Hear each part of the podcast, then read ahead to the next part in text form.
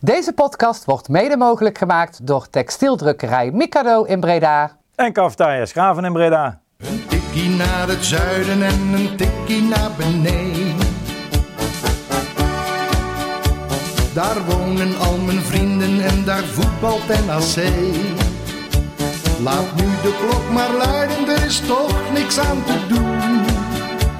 De B-side staat in vlammen en NAC wordt kampioen. Hallo luisteraars en welkom bij een nieuwe Tikkie naar het Zuiden podcast, nummertje 159 alweer.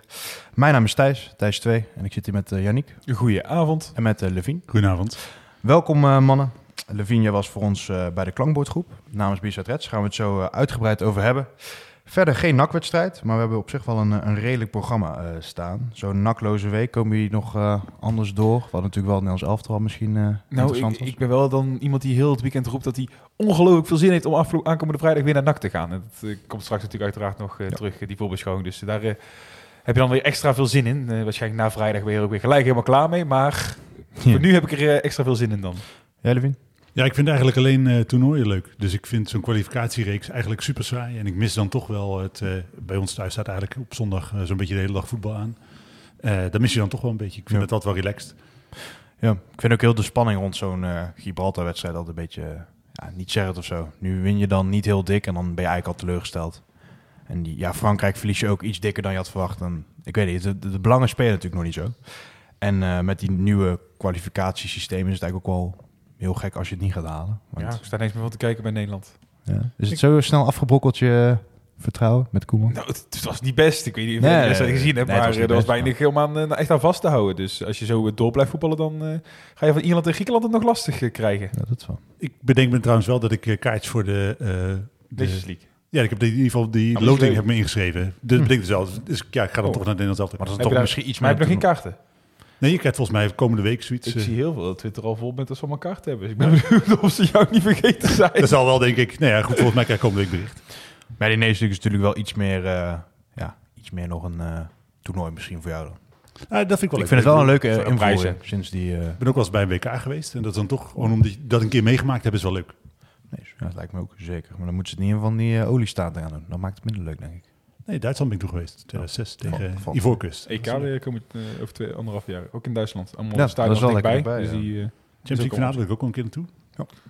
ja, je noemt het al, weet je, de interlandperiode uh, is uh, voor veel landen al voorbij, voor een paar niet. Gaan we ook nog even ja, bij stilstaan wat nou uh, uiteindelijk de ex-nakkers en nakkers allemaal hebben gedaan. Die klankbordgroep, dat is eigenlijk een, ja, een soort van raad, kan ik wel zeggen, van allerlei groepjes die betrokken zijn bij NAC. Zeg ik dat ongeveer goed? Nou ja, dat is dus een beetje, dat, daar begint het al mee. Wat, wat, is, wat is het nou precies? Nou, in principe is het natuurlijk een uh, vertegenwoordiging van uh, uh, alle supportersgeledingen. En supportersgeledingen is daar breed uitgelegd. Hè? Ja. Dus er zijn niet alleen geledingen die een formele stichting zijn bijvoorbeeld. Maar eigenlijk iedereen die in een rol aan NAC verbonden is. Met uitzondering van vak G. die schuiven niet aan. Die schuiven ook bij de clubraad al een tijdje niet aan. Er staan ook deze klankbordgroep over. Uh, volgens mij is ook de reden dat zij niet, aans, uh, niet meer aanschoven bij de clubraad... een van de redenen waarom die klankbordgroep in het uh, leven is geroepen. Uh, dus er zit praktisch iedereen, maar niet echt, ja. echt iedereen. En dat zijn dan echt groepen als Breda Loco's, wij, Front, eigenlijk alles... Samen voor NAC. Ja, gewoon noemen NAC-groepen en ze zitten er eigenlijk... In behalve vak inderdaad dan. En, uh, ja, Hoe kijk, moet ik zo'n setting zien dan? Is het dan gewoon uh, iedereen rondom een tafel? Is het dan gewoon een ja, dat is een beetje een soort uh, de ronde tafel. van de ronde tafel. Ja, alleen dan een beetje een vierkant. in het uh, supportshome. Ja, Oké, okay. ik wil dat in ja. beeld. En dan wie het hardje schreeuwt, krijgt het woord? Of wordt er nog een, zit een begeleider bij? Nee, de, de vergadering werd voorgezeten door Hugo van, van de clubraad. dan vervolgens is het natuurlijk nog steeds wel zo dat degene die het hard schreeuwt wel het eerst aan het woord is. zo werkt dat denk ik bij de meeste NAC-bijeenkomsten.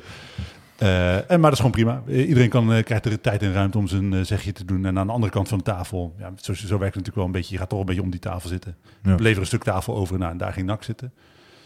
Wie zit er dan vanuit NAC? Toon Gerbrands, ik Matthijssen, Edgar Mol en Kees Meeuwis. Oké, okay. goed om te weten. Um, en kijk, het... Raad van Commissarissen schoof niet aan. Er was blijkbaar een, iets in de privé, privésfeer waardoor hm. de persoon die aan kon schrijven geen vervanging geregeld. Dat vond ik wel een beetje jammer. Oké. Okay. Ehm, de klankbordgroep is natuurlijk relatief goed, eh, nieuw. En dat is... eh, Relatief goed is... relatief eh, goed, maar, dan moeten we heel kijken. gekleurd, daar moeten we op bekijken. Nee, relatief nieuw. Dat was de tweede bijeenkomst in, deze, in deze vorm. En eh, een van de belangrijke agendapunten was nou eigenlijk... Wat is nou eigenlijk de, de formele status slash positie van deze groep? Waar gaan wij precies over praten en waarover niet? Nou, de grove uitleiding was natuurlijk bijna alles behalve voetbaltechnische zaken. Dat zit dan meer in de forumavond verpakt, die dan Ja. één of twee keer per jaar is. Ehm, zijn er nog eh, bepaalde wijzigingen in gedaan? Of, Nou, eh, be- belangrijk is in ieder geval om vast te stellen dat de klankbordgroep geen formele status heeft. Dat werd ook zo duidelijk uitgesproken door Toon Gerbrands. Eh, het is niet zo dat het een... het is ja, meer een, een... Ja, hoe leg je dat nou goed uit? Een, een klankbordgroep? ja, dat is, ja, het is een, maar een klankbordgroep zegt het denk ik ook wel echt. Het is, eh, je Ja. kan daar je mening ventileren, je kan suggesties doen, maar NAC is niet verplicht verplicht om... Precies. Ja. Om eh, daar gehoor aan te geven. Het is natuurlijk wel zo dat op het moment dat je een hele ster- heel sterk signaal vanuit zo'n groep krijgt, waarbij je in principe kunt zeggen dat die eh, eh, zo'n zo'n statement dan gedeeld wordt door het grootste gedeelte van alle geledingen, dan is het natuurlijk wel vreemd op het moment dat je daar als NAC helemaal niks mee doet. Maar ze zijn nergens toe verplicht. Ze kunnen alles eh, naast zich neerleggen. En En dat, verschilt dat dan met wat, wat er eerst natuurlijk was? In, in een zetel bijvoorbeeld in de RWC slash de clubraad. Zit daar dan een wezenlijk verschil in? Zeker, op het moment dat je iemand mag afvaardigen in de Raad van Commissarissen, heeft zo'n Raad van Commissarissen lid natuurlijk een aantal formele taken die niet alleen binnen NAC, maar überhaupt eh, formeel georganiseerd zijn. Hè. Een Raad van Commissarissen heeft juridisch gezien een aantal verantwoordelijkheden. Eh, daarnaast is zo dat de clubraad is natuurlijk een, eh, eh, het officiële eh, overlegorgaan eh, vanuit supporters met NAC. Eh, daar zitten ook, zijn allerlei formele afspraken rondom vormgegeven. De clubraad heeft ook eh, statuten die aan die doel en eh, eh, eh, insteken een beetje, beetje weergeven. Nou, dat ontbreekt natuurlijk allemaal bij zo'n klankbordgroep. Ja. Dus het is in principe eh, per definitie vager geworden, omdat er niks geregeld is. Ja. En dat is natuurlijk eh, eh, ja, sowieso problematisch, vind ik. Uh, Vind je dat een stap achteruit? Natuurlijk is het een stap achteruit. Je, hebt, je komt uit een situatie waarin je eh, het overleg met NAC op maandelijkse basis via een clubraad eh, regelt. Daarnaast eh, heb je als supporters eh, had je de mogelijkheid om iemand af te vaardigen in de Raad van Commissarissen. En dat heb je eigenlijk allemaal ingeleverd. Want de staat van de clubraad, nu de, eh, zo'n klankbordgroep eh, geformeerd is, is natuurlijk ook eh, eh, vaag geworden. Het onderscheid met zo'n klankbordgroep is nauwelijks te maken, bleek ook tijdens die vergadering. Ehm, je noemde net al even de- clubraad. Nou, wat is de reactie Sorry. van NAC daarop dan? Het feit dat, ja, ik denk dat er, ik weet dat er bij de Rad een aantal eh, zitten die eh, daar uh, laaiend over zijn. Die gaat inderdaad een stap in achteruit, dat klopt. Hoe reageert NAC dan daarop? Wat Toon Gerbrands eigenlijk een aantal keer herhaalde tijdens die avond is dat eh, vertrouwen moet groeien. En eh, je kan aan de voorkant, zegt hij wel, eh, heel erg je hakken in het zand zetten, je overal tegen verzetten. Eh, maar dan kom je nooit een stap verder. En in principe eh, ben ik het daarmee eens. Ik snap dat als je eh, nooit wil veranderen en als je nooit eh, vertrouwen aan elkaar geeft, dat je in principe nergens komt. Dat is theoretisch gezien helemaal waar. Alleen, het is niet zo dat het wantrouwen bij supporters nergens op gebaseerd is. Nee, dat. Dat is, we zijn, dat is niet iets eh, wat zomaar uit de lucht komt vallen. Die Raad van Commissarissen kwam ook niet zomaar uit de lucht vallen. Die hebben, daar hebben supporters, eh, iedereen weet het nog, vier ton opgehaald. Best voor gedaan gewoon. Precies, dat is eh, het resultaat geweest van hard werken aan de kant van supporters. En een noodzaak van de club om ehm, transparanter te worden richting supporters. Dat uiteindelijk die Raad van Commissarissen zetel eh, niet dat opgeleverd heeft wat je had gewild dat het opgeleverd zou hebben. Wil niet zeggen dat het in basis een slecht idee was. En hetzelfde aan City. Dat was ook uit het niets eigenlijk. Eh, voor de mensen die dat, eh, zoals ik, die dat even zijn vergeten. Hoe is die RWC-zetel eigenlijk verloren geraakt? Kunnen we daar even terug... eh, daar is eigenlijk druk uitgeoefend vanuit NAC. Zo simpel is het. Eh Toon Gerbrands heeft eh, simpel gezegd... eh, eh, of we gaan het op deze manier doen, of ik stop ermee. Eh, dat, dat zo hard is het eigenlijk, eh, zo simpel is het. Eh, werd daar nog op ingegaan vandaag? Nou ja, Dit was natuurlijk wel de eerste keer dat Toon erbij zat bij deze eh, vergadering. Dat was vorige keer nog niet, volgens mij. Weet ik niet, want dat was ik zelf niet bij. Dat was even Nee, eh, dat was moet. Dat was eh, alleen ja, die andere, weet je ook weer van... Nee, die was er toen niet bij. En Nee. daar werd het wel gehamerd van, dan willen we ook dat Toon hier eh, elke keer bij is. Dat klopt. Het was En- volgens mij alleen die gast van uh, NAC Breda gewoon. Maar, Maar, maar dat is in principe hoe het gegaan is. Hè. Dus is gewoon simpel druk uitgeoefend. Eh, en eh, wel vanuit het idee van, ja, we gaan de, eh, de perspectief van NAC meenemen. We gaan de organisatie helemaal opnieuw inrichten. En eh, je kunt niet, je wil van, van af van een situatie waarin alle bloedgroepen eh, individueel vertegenwoordigd zijn in zo'n eh, raad van commissarissen. Het idee daarachter is dat als je eh, vanuit, altijd vanuit een bepaald perspectief denkt, dat je naar je eigen perspectief zal handelen. Eh, dus als bijvoorbeeld aandeelhouders, was dan een voorbeeld wat gegeven werd, op het moment dat, dat aandeelhouders een vertegenwoordiging hebben en die hebben geld nodig, dan zal er vanuit de FC wellicht druk uitgeoefend worden om meer geld uit de club te halen. Eh, dus aandeelhouders meer eh, te betalen op het moment dat het zich, die mogelijkheid zich voordoet. Supporters zeggen, is dan altijd het argument, zouden super emotioneel zijn. Dat vind ik altijd ongelooflijk zwaktebod. Eh of een zwak argument vind ik dat, want dat is gewoon simpelweg niet de realiteit van de afgelopen jaren geweest toen die zetel ingevuld eh, werd. Het wordt dan altijd aange werd volgens mij een keer of vijf geroepen van ja, dan moeten supporters mee gaan beslissen over het aanstellen van de trainer. Is dat dan wat je wil? Want het ontslaan van een trainer, daar kunnen we het allemaal wel over eens worden. Maar als ik dan hier gevraagd wie de nieuwe trainer mo- moet worden, dan krijg ik veertien verschillende meningen. Ja, ik denk, oké, weet je, ik, nee, je moet als supporters niet gaan over het aanstellen van de trainer. Maar dat wil niet zeggen dat een eh, zetel in de Raad van Commissaris per definitie een slecht idee is. Het verhaal uiteindelijk van Toon is, en voor mij heeft Toon een aardige vinger in de pap, eh, eh, ondanks dat hij voornamelijk tenminste probeert op de achtergrond te acteren. Zijn verhaal is daarin gewoon van, ja, ik heb bij PSV gezeten en bij PSV had ik een fantastische band met de achterban. En maar ja, die had ook geen eh, zetel in de RVC, dus het kan gewoon. En ja, toen is hij Nou. daar eh, zo blind mee akkoord gegaan. Wat ook gezegd werd, is hè, van, je, als je supporters een zetel dus geeft, moet je iedereen een zetel geven. En hè, nou, de aandeelhouders hebben nu juist afstand gedaan eigenlijk van een formele zeggenschap door de manier waarop het nu georganiseerd is. Dan zou het raar zijn op het moment dat zij 7 miljoen in die club investeren, dat je dan als supporters meer zeggenschap krijgt dan de aandeelhouders. Ja, daar, daar Zit wat in. Maar Precies, en dat, maar dat was wel een beetje het, het, het gevoel wat voor mij voor de hele avond overheerst. Hè, is dat je, eh, je hoeft het niet per se eens te zijn met eh, de beslissingen die genomen worden. In een aantal gevallen ben ik dat ook gewoon echt helemaal niet.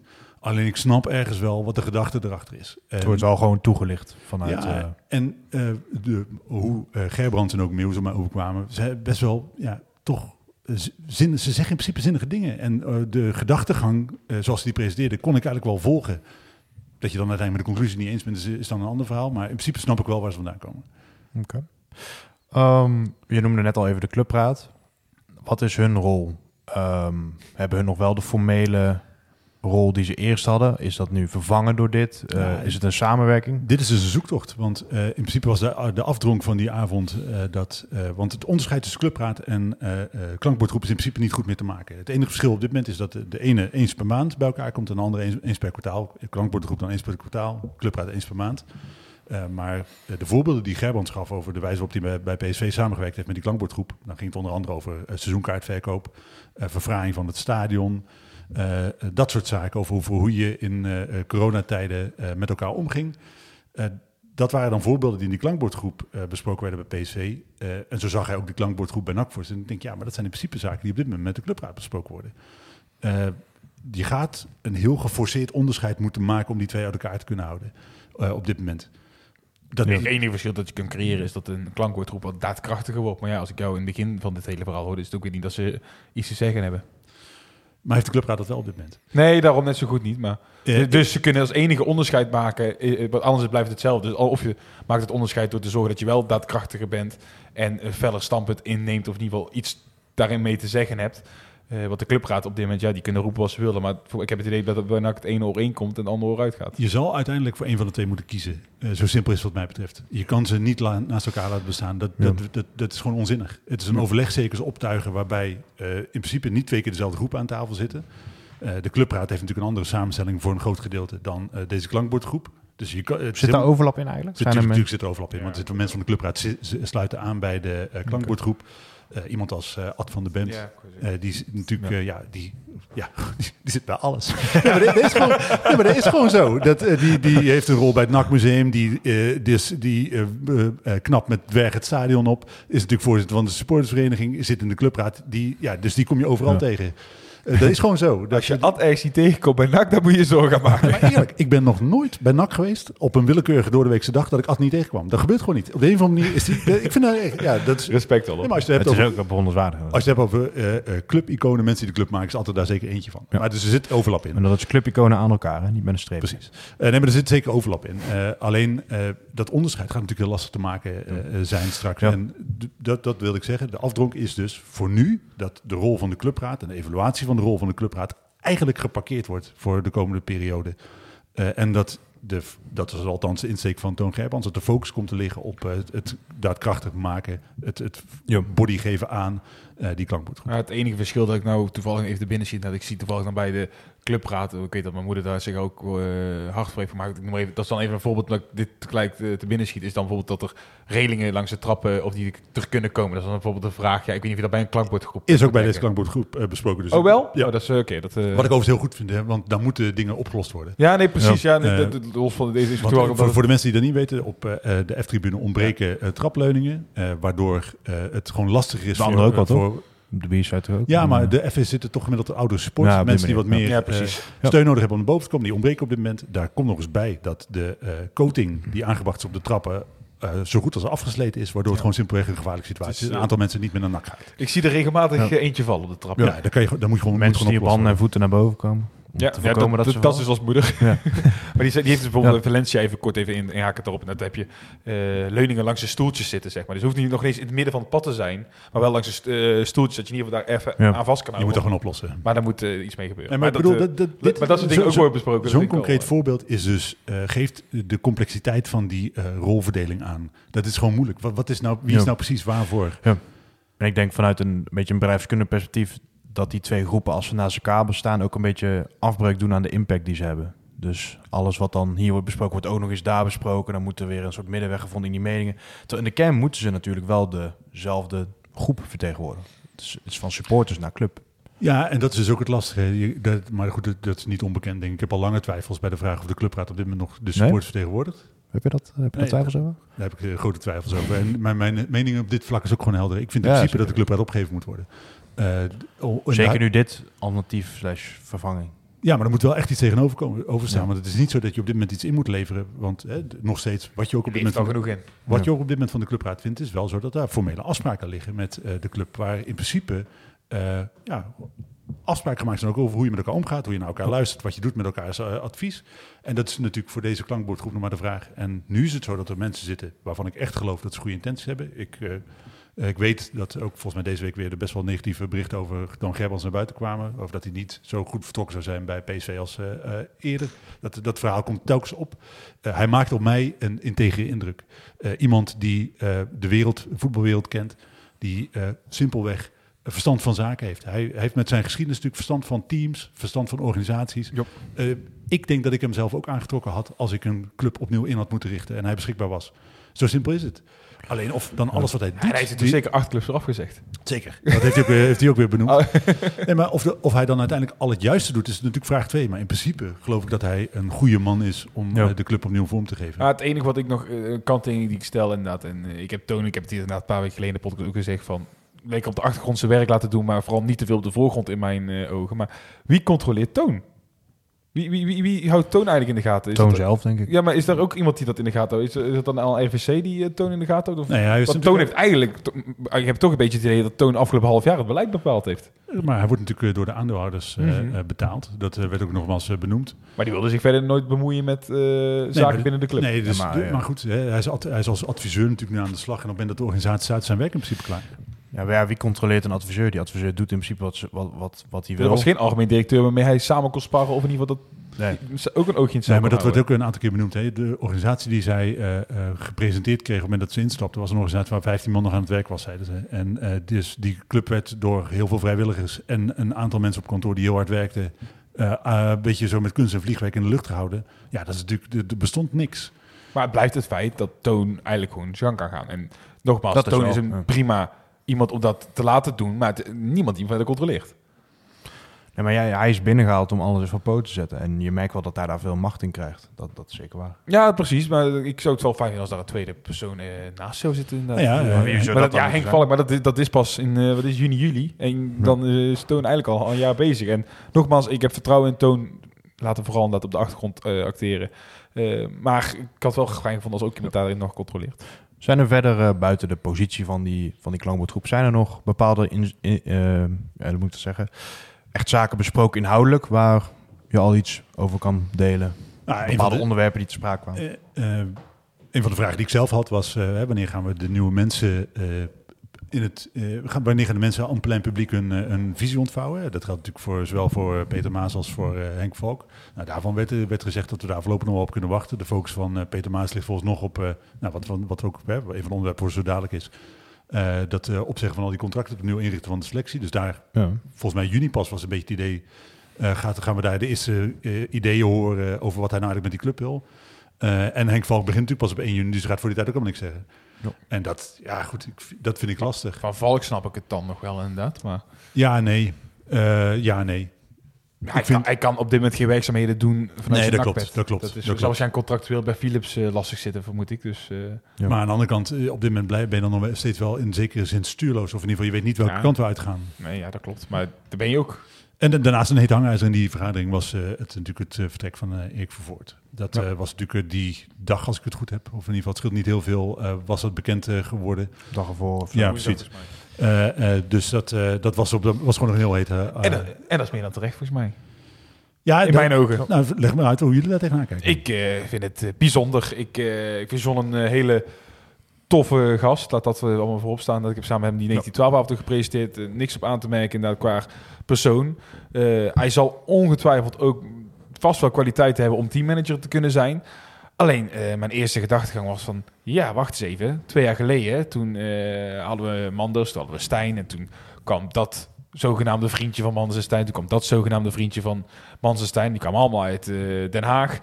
Toen was Breda te klein. Toen stond Breda te stuiteren, want dat kon niet. En we worden hier beïnvloed door allerlei Hagenezen... die denken ze hier de club kunnen bepalen.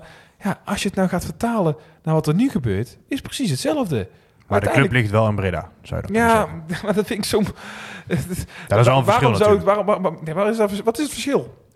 Uiteindelijk worden vrienden nou, van in elkaar de kern gehaald. dus deze mensen de club beter begrijpen en be- op een op een. Maar uiteindelijk zijn ze ook allemaal een keer bij NAC ontslagen of bij, allemaal bij NAC een keer mislukt. Ja, dat wel. Ja, ik, ik Veel- praat ook niet goed, ik maar ik probeer het wel vanuit een. Ik vind John het. Karel is ontslagen als trainer en weet ik het allemaal. Pierre Ja. van Hooydonk heeft toen een keer ook nog de NAC geholpen toen in het jaar met Mitchell van der Gaag in de uh, winterse transfermarkt. Nou, die heeft werkelijk waar eigenlijk geen enkele, bijna geen enkele voltreffer gehaald en dergelijke. ja. Prima. vertrek, En zijn vertrek naar Feyenoord ging natuurlijk ook niet zonder Vertrek naar slag of stoot. Feyenoord, dat soort dingen inderdaad. En, eh, maar omdat ze uit Breda wel komen, gaan we dan eens toestaan dat daar wel een kliek mag ontstaan. Ik vind dat zo, ik, ja, ik, ik vind het best bijzonder. En Ik heb daar de afgelopen dagen, eh, ik heb daar niet wakker van gelegen, maar het scheelt niet heel veel. Ik heb er wel lang over nagedacht.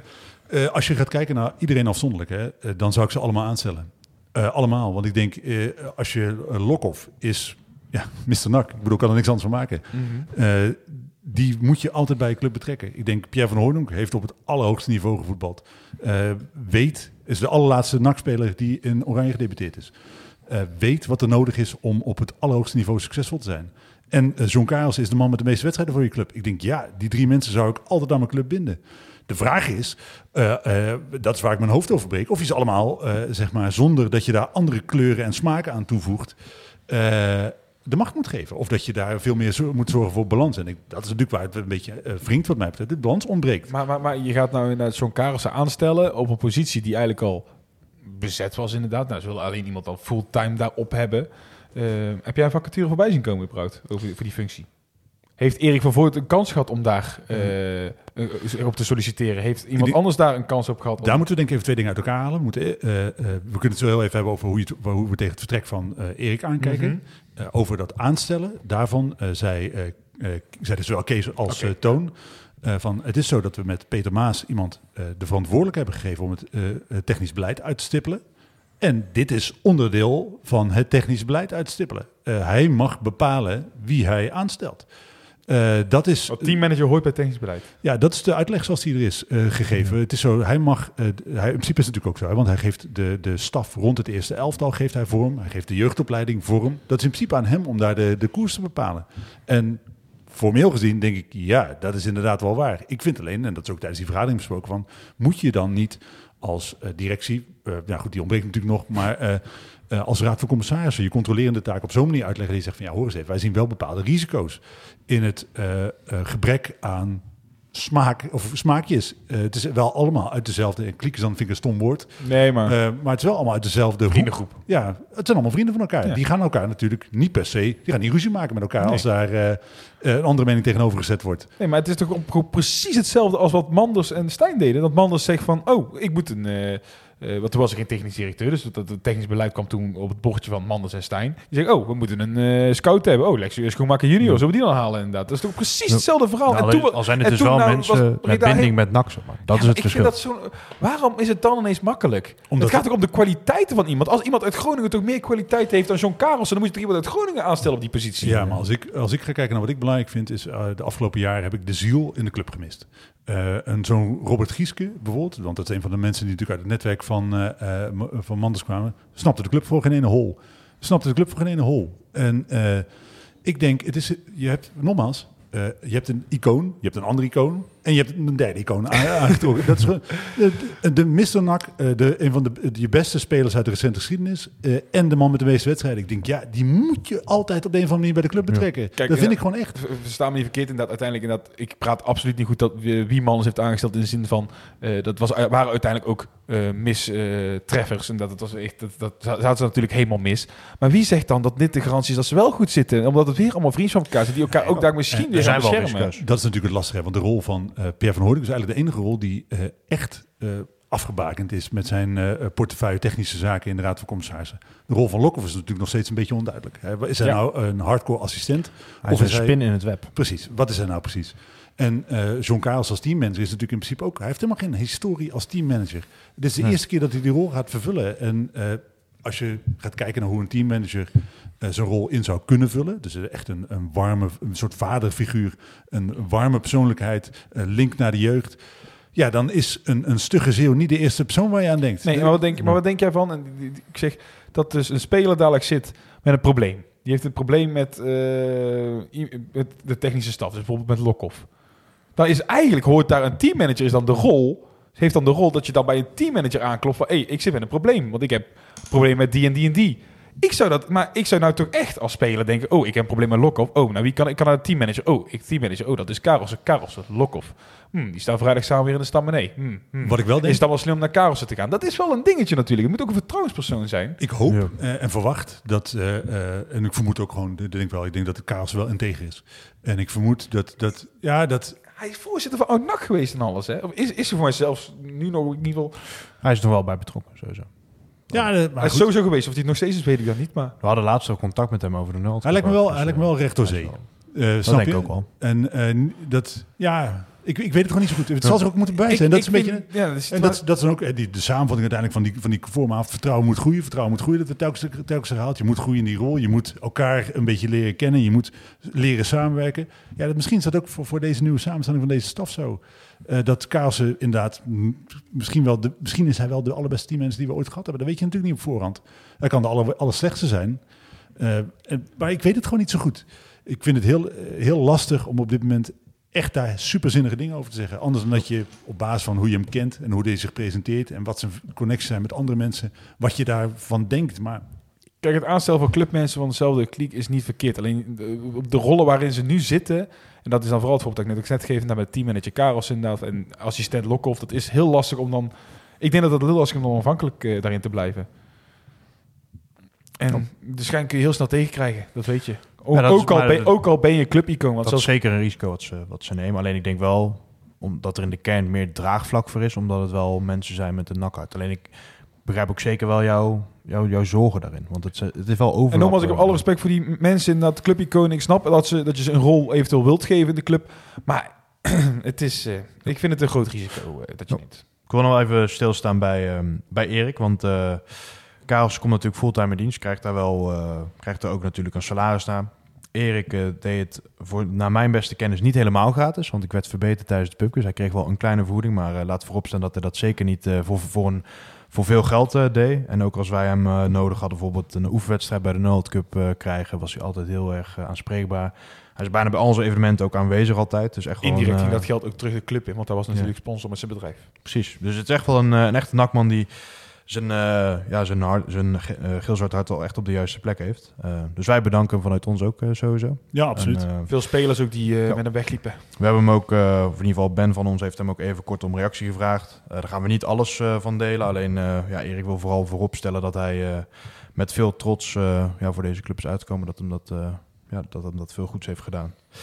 Misschien dat daar in de toekomst nog meer eh, over duidelijk wordt. Dat eh, gaan we zeker, eh, Ja, de gaten daar, wat daarover gezegd werd, hè, is eh, eh, een van de bezwaren was dat, op, dat de eh, Rens en eh, Erik een beetje op het allerlaatste moment zo horen hebben gekregen dat er voor hun geen toekomst was bij de club. En daar werd heel simpel over gezegd. want de, de, aan de, laat zeggen, aan de supporterskant van de tafel werd gezegd, ja, wij wisten dat eigenlijk maanden geleden al, dat dit eh, eraan zat te komen. Ja, het hing wel even in de lucht, ja. Zeker. En eh, bij Erik is al natuurlijk een vergelijkbaar iets keren, want het is natuurlijk niet zijn eerste termijn als teammanager. En toen was het ook eigenlijk in, in de... Ja, een nieuw beleid en eh, dan moeten dat soort eh, mensen dan blijkbaar als eerste het veld ruimen. Dat is natuurlijk wel zuur. En eh. volgens mij was het eigenlijk de intentie voor mij dat hij gewoon het seizoen af zou maken. Maar dan moest hij al in die periode Karelsen in gaan werken. En dan vond hij wel raar om dan als vrijwillig iemand, iemand in te moeten gaan werken Ja, die fulltime er is. Zeg dat maar. klopt wat je zegt. En daar heeft hij gewoon eh, voor bedankt, waardoor hij nu dus... eh, Ja, precies. Antwoord En, op de vraag trouwens waarom hij dat niet, dus waarom dat gesprek niet veel eerder plaatsgevonden heeft, eh, is eh, volgens NAC omdat alles uitlekt. Ja. Eh, dus ze hebben dat gewoon, het was een slecht nieuwsgesprek en daarvan, dat was het niet meer dan dat. Maar alles uitlekt. Ja, het was daarvoor ook al uitgelekt eigenlijk. Ja, maar dat was, hè, was de reactie. Het, al- we- Alles lekt uit. Dus Hebben we toch- hebben, we ja. hebben het gewoon gedaan. We hebben dat besluit genomen op het moment dat het besluit genomen moet. Het was een slecht nieuwsgesprek en dat, dat doe je gewoon op het moment dat het moet. Ik, ja, het, weet je wat het is? D- Dat laatste valt wat voor te zeggen, maar dat alles uitlekt. Ja, uiteindelijk lekt het alsnog uit. Het, het, eh, de keuze eh, die, die mag je maken. Hè. Als Peter Maas inderdaad een andere koers wil varen met inderdaad een fulltime teammanager waarbij hij denkt dat John Karels de meest geschikte persoon is, dan moet hij dat gewoon doen. Dat is zijn, dat is zijn taak als eh eh, technisch directeur. Alleen de, de- er blijft gewoon toch een heel Ja. nare een nasmaak hangen bij de wijze waarop dit gegaan is. Ja. Eh, ook omdat het best wel past in een beeld van een club die eh, menselijkheid op dit moment niet op de eerste plaats heeft staan. Voor, met plat geldt natuurlijk een beetje hetzelfde. Er werd ook een beetje nou, gezegd dat daar dingen eh, speelden. Er werd niet helemaal het tipje van de. niet helemaal gezegd wat er aan de hand was. Maar ook daar voelt het gewoon niet helemaal lekker. Eens. En eh, ja, vanuit de selectie hebben we natuurlijk ook al wat, wat contact hier en daar. En eh, ook bij hun stond Erik altijd wel op een eh, hele geliefde positie. Iedereen kon goed met hem vinden. En ja, die waren altijd wel tevreden over hem. Dus het is ook niet zo dat je heel makkelijk kan zeggen van... hij deed zijn werk niet goed, dus we moeten een professioneringsslag maken. Dat, dat absoluut niet. Gaan we snel eh, door over een ander onderwerp. Want Erik is niet de enige die, eh, die NAC gaat verlaten. Het is natuurlijk op 1 april altijd een moment eh, om officieel contact op te zeggen. Betekent niet dat die spelers precies weggaan. Nee, wij kennen het lijstje allemaal wel. Ik zal ze toch nog even kort eh, behandelen. Dat zijn namelijk Antonia, Bakker, McNulty, Herman, Mazart, Di Michel Sanchez, Kaideroy, Moreno Rutte, Borstel Schuppen en Odi Verlanas. Al deze spelers werden gehuurd of beschikt over een aflopend contract. En verder eh, lopen ook Garbet, Martina en Mekawi af. Zij zijn echter, eh, ja, zijn andere regelingen mee getroffen, dus die eh, hoeven niet opgezegd te worden en blijven in alle waarschijnlijkheid ook, zijn er geluiden. Als we dat lijstje even kort bekijken en jij zegt dat, dat niet menselijke, dan herken ik dat ook wel een beetje bij de behandeling van Boris van Schuppen. Kon natuurlijk naar Emmen, moet dan blijven om vervolgens naar de onder 21 gezet te worden. En mag nu alsnog, schijnt het, ja, we zitten het niet helemaal zeker. Is dat een jongen waar NAC mee om de tafel moet of is dat eh einde verhaal, denken jullie? Ja, ik weet wel waar mijn voorkeur ligt. Ik vond hem vorig seizoen eh, erg indrukwekkend. Eh, en ik heb het gevoel dat er meer in zit dan je er op dit moment uithaalt. Ik zou, omdat het een jongen van de club is... eh, en omdat ik, dat hij vorig jaar wat mij betreft heeft laten zien dat er dus meer in zit... zou ik het altijd proberen. Alleen, ik zou als ik Boris Schub was... en je nu volledig, als je je volledig links laat liggen... denken, ik ga lekker naar een andere club. Ja. Eh, er zijn... Al, al is het bijvoorbeeld een club als Helmond Sport, laten we iets geks noemen, of een, of een andere club in Hij de aan de slag komen in de KKD. Als je daar baasspeler bent, ben je natuurlijk beter af dan wanneer je op de bank zit. Er zijn verdedigers in deze selectie die, waarbij ik meer twijfel of ze nog aan de slag komen in de KKD. Ja, dus ik denk, ik, zoals ik hem was, zou, zou ik, het, eh, zou ik gewoon de, de stap maken. Maar ik vind het wel zonde, want ik eh, vind het een leuke gast. Hij was natuurlijk ook, eh, ja, je had het over de Noodcup. Nou, daar kwam hij gewoon vorig jaar als een van de weinige selectiespelers eh, uit zichzelf eh, eh, langs. Het is een jongen die eh, bij mij, ik, ben, ik, ik heb er altijd een eh jeugdspelers hebben bij mij altijd een streepje voor. Ik hoop dat die allemaal het Nederlands zelf halen. Dat gebeurt met verrassend weinig jeugdspelers. Eh, maar ik hoop het wel altijd. Dus ik vind het zonde als dan een jeugdspeler waarvan ik dacht, ah, er zit eigenlijk wel iets in, als hij via de achterdeur vertrekt. Maar realistisch gezien, eh Ibala stelt het nu eigenlijk niet op. Dat is gewoon, Nee. hij heeft één wedstrijd gemaakt, was het één wedstrijd gespeeld. Molenaar stelde hem ook niet op. Mooi nou, ja, doet hij niet toe. Maar het gaat mij even, de punt waar ik naartoe wil, inderdaad, van Hibala staat er nu niet op. Waarom zou hij dat volgend jaar wel doen? Precies. Dus ik denk Ja. niet dat hij een toekomst bij NAC gaat hebben, helaas. En ik denk als je het lijstje afgaat, ik weet niet hoe jullie er naar het kijken. Ik denk dat bij heel veel eh, spelers sowieso al de achter moet zitten, mits fit. Ja, dat dat belangrijk is. En, Antonie en Bakker kunnen van waarde zijn, maar Exact, zijn eigenlijk altijd geblesseerd. maar dat, dat is de vraag inderdaad. Bakker moet je gewoon lekker laten gaan. Want die heeft inmiddels bijna twee jaar nauwelijks gespeeld. Moet jij, ja. Ja, ja Begon zijn, eh, zijn dit, hij heeft hem eh, eh, ook in zijn... Oké. Vorig seizoen, het hele seizoen gewoon links centraal gespeeld. Nou, het voelt Nee, alsof hij veel volgens langer... hem, volgens hem wel volgens- de- ook wel in de vierde spe- speelronde geblesseerd geraakt of zo. En toen ook wel echt tien uh, speelrondes Is dat zo? Oh, daar Ja. heb ik even... Heeft vorig jaar ja, wel het merendeel van de wedstrijden wel gespeeld. Hoor, maar vorig jaar, wel wel gewoon... ook twee keer geblesseerd geweest. Eén keer lang, één keer kort. En ja, dit jaar staat natuurlijk alles qua... ik uh, zie even een telefoon pakken, dus ik neem aan dat hij opzoekt hoeveel wedstrijden die vorig jaar Nee, gespeeld maar ik bedoel meer, hij heeft zo lang niet gespeeld dat ik... eh, hij heeft dusdanig veel tijd nodig, verwacht ik, om weer op niveau te komen. Dat ik denk, Ja, dat is de kan- vraag inderdaad. Ga je dat risico nemen of kun je niet beter gewoon iemand te halen die fit is? Dat, dat is terecht. Maar Dan, ik vond eh, Bakker daarbij, ik zeg je, zeker als je ook ziet hoe dit jaar de verdediging de malaise is, dan krijg je toch Ja. iets meer respect voor de verdedigers die er vorig jaar hebben gestaan. Want, Vorig jaar 30, 30 wedstrijden. ja, 30 wedstrijden. Nou, wel. En Bakker heeft daarin zeker een eh, aandeel gehad. Dus die zou ik, als, als hij komend seizoen, gelijk aan het begin van het seizoen, zijn niveau heeft van het jaar eh, dat hij ook ja, die 30 wedstrijden speelde, zou ik hem oprecht nog wel willen dat zou behouden. kunnen inderdaad. Alleen ja, wil je het risico lopen inderdaad. Dat, en, eh, eh, en heel even, hè, eh, in de voorbereiding, eh allereerste wedstrijden, de wedstrijd speelden we tegen Madense Boys. Eh probeerden we ver druk voor, naar voren te zetten. Hij kan er niet belopen. Hij, heeft, hij kan er niet belopen. Ja, dan wordt het lastig vooral. en dan kan je met onder eh Hiballa, Nee. lukt hem dat helemaal niet. Nee, nee, nee. nee, nee. Ik vraag me ook wel af eh, of Cuco het allemaal kan belopen, toch? Ja, dat is een andere vraag. Hetzelfde dat is verhaal. nog een... eh ja, Mazart is ook al tijd om te gaan, kunnen we wel stellen. Die Michel Sanchez loopt uit zijn contract bij Wolfsburg, maar is ook nog geblesseerd. niet halen. Gaat in, niet halen. zijn terugkeer zou ook niet in de voorbereiding zijn, zou echt pas in september, oktober zijn. Ja, maar überhaupt niet. Dan heb je natuurlijk Rutte. Hetzelfde verhaal. Ja, maar- doen? Nooit fit. Oh, die is al zo goed als weg. Eh, en dan heb je nog die andere die is twee huurlingen. McNulty heeft nog een door contract. Voor, ja, Ook heeft niet, ja, nog wel ook, wat waarde. ook, niet, ook niet halen. Maar ga, is ook denk onhaalbaar Ook überhaupt. Nou, ja, onhaalbaar. Ik denk dat eh, zijn marktwaarde dit jaar best wel gekelderd is. Ik vind hem, qua persoonlijkheid geniet ik echt van hem hoor. Echt, eh, Ja. Maar Ik ik, zou Ik denk hem- wel dat daar wat in zit. Ik zou hem wel een heel jaar als linksback willen zien. Of als centraal. Nee, maar eerlijk. Want linksback? ja, ik zou, ik zou denken... Ik eerder centraal, moet ik zeggen. Centraal vind ik hem verdedigend eh, eh, te eh, onbetrouwbaar. Maar als links, want linksback, hè? Ik bedoel, een voorzet kan je best wel aanleren. Vind ik. Daar kan je hem op trainen. Verdedigend is hij voor een linksback best wel goed. Hij is best wel Ik, fel. ik weet dat die wedstrijd niet is uitgezonden, maar tegen Jong PSV. Heb je die wedstrijd Ja, gekeken? Ik zou, maar als je, ik zou, ik zou en hij is Vond jong. hem ook niet mega slecht, hoor. Ik zou hem daar. Kom op, toen werd hij compleet, compleet weggezoekt getikt door die buitenspelers. Goed. Ja, maar wel 2 tegen 1 dit. Laten we anders eens parkeren en over vijf jaar, op het moment dat hij wel of niet eh, geslaagd is, hier nog eens even op Ik denk wel dat hij gaat slagen. Alleen ik denk niet dat hij, dat hij haalbaar is. voor- Aflevering 159 wat was het? Bij aflevering 500 kom je op terug. Laten we wel eh, afspreken. Je hebt natuurlijk Herman. Weet Vind- niet wat je Vind daar... ik jammer. Hij is gewoon niet zo goed, maar ik zou hem wel erbij houden. Oh, wat heeft hij nog een mooie kans tegen Zwolle. Ja, zonde inderdaad. En eh, dan hebben we het eh, lijstje wel gehad. Veldhuis is niet voorbij gekomen, of wel? Veldhuis heeft NAC niet over gecommuniceerd. En eh, dat ben ik vergeten na te vragen. Dus eh, mijn excuus daarvoor. We vermoeden dat het te maken heeft met die verplichte ja. eh, opzichten te kopen. Het is waarschijnlijk eh, zo dat hij bij, ehm, bij een promotie of eventueel iets dan automatisch eh, zou overbreken. Dus ze hoeven hem niet formeel op te zeggen in ieder geval. Het is wel de vraag of NAC de intentie heeft om daar natuurlijk eh, actie op te Of we ondernemen. worden verrast dat hij al vast Want als, als we toch even advies geven, Veldhuis. Nee. nee. Nee, nee, nee, nee, nee, nee. En dan zou ik nog eerder voor McNulty gaan. eh, Ja. Dat dat meer, eh, toch meer een verdediger is. Ja, we gaan het in de gaten houden. Eh, ik denk wel dat we van de meeste wel unaniem zijn. Ja, McAwee vond ik wel verrassend. Dat daar dus blijkbaar eh, afspraken liggen. Eh, want ik dacht dat hij, hij heeft toen een tweejarig contract, zeg ik dat goed, eh, getekend. Ja, voor Eh, mij met een optie. Voor Met mij, het ja. idee van, eh, eh, we kijken naar mijn middelbare school verder. Eh, maar in principe, is, is het daar een optie van NAC? Om hem, Ja. Oké, Je mist de naam trouwens. Sorry. Ja, je vergeet de naam. Kan je er hoor? Ja. Oh, ja, dat is de, de afsluitende. Ja, ik, ik zei toen, we hadden het natuurlijk eerder over gehad, eh, Yannick, in de podcast. En ik zei, ik zou het hem misschien nog wel gunnen, een klein contractje. Jij zei, nou, dat past totaal niet in de visie. Nee. Op de site was het toch eh, wel een veel gelijkde reactie. Dat ze me, Polletje morgen. Ja, dat kunnen we wel doen. Ja, ik, ik zou toch, Ja, ja. ik, ik ben al 2,5 jaar per maand haten. Dat, ik vind hem gewoon een waardeloos voetballer. Ik ben er ook klaar mee. Ik vind hem gewoon geen genoeg kansen gehad, echt waar. En dan hij kan- heeft, hij heeft of, of niet het lijf, want dat kan hij. Want hij heeft natuurlijk heel lang met zijn, met zijn rug en weet ik wat eh, Ja. geworsteld. Dus het kan zijn dat hij gewoon niet de fysiek heeft voor eh eh profvoetballen op dit Ja. moment. Maar hij heeft ook, vind ik, niet de mentaliteit. Maar misschien ben ik ook een beetje biased, omdat ik, ik denk gewoon dat hij, als hij weggaat, dan gaat hij het waarschijnlijk ergens anders Ja, heel dat zegt goed iedereen. doen Ja, of dan moet hij dat lekker Ja, doen. nou, maar bij NAC gaat het gewoon niet gebeuren. En dan Ja, kun, je, oké. kun je met heel zijn carrière wel bij NAC komen in de hoop dat hij het bij een ander niet goed doet. Maar Ja. ja, dat houdt echt een keer op. eh. Ja. Ja, Maar als hij transfervrij was geweest, stel nou voor dat je hem transfervrij had gehaald, dan hadden we hem toch al lang afgeschreven. Ja, Dan exact. hadden we hem al lang afgeschreven. exact.